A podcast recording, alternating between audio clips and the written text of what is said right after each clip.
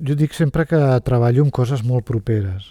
Amb la llum del sol el que vaig fer doncs, va ser reproduir les finestres de l'estudi.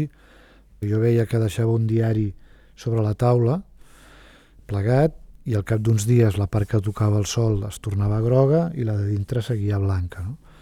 Vaig pensar, això és interessant, aquí hi ha un, un fet físic, natural, que, que podria aprofitar per fer alguna cosa, però dius, què, què faig amb això?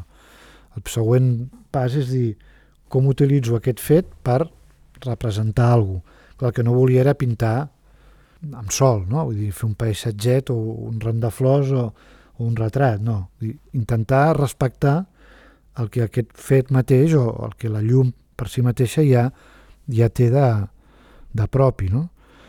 Aleshores vaig pensar, bueno, a l'estudi la llum entra per la finestra, bueno, reprodueixo la finestra i vaig comprar uns cartrons de la mida de la finestra, escala real, vaig fer una plantilla en la que feia com l'estructura de fusta les, i ho pujo al terrat.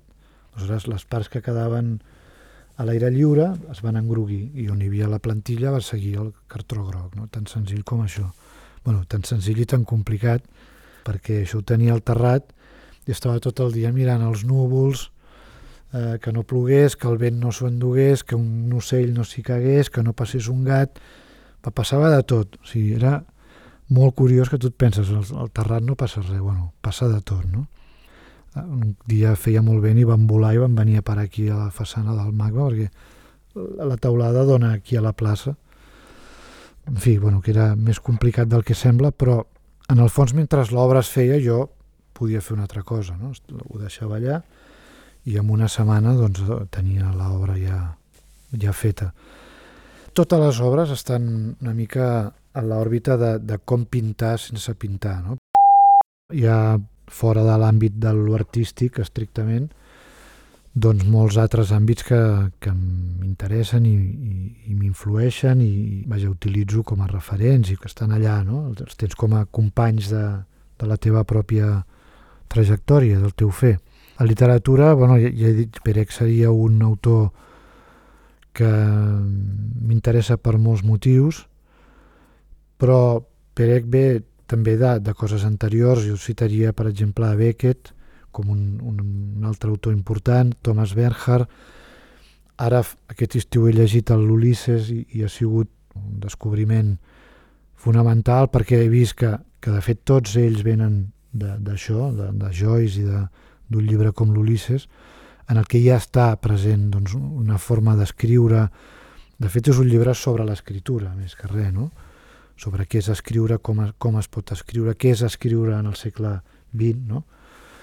i tots aquests autors posteriorment han, han anat ampliant i han anat portant al seu terreny tot això que ja estava com un nucli importantíssim en l'Ulisses. No?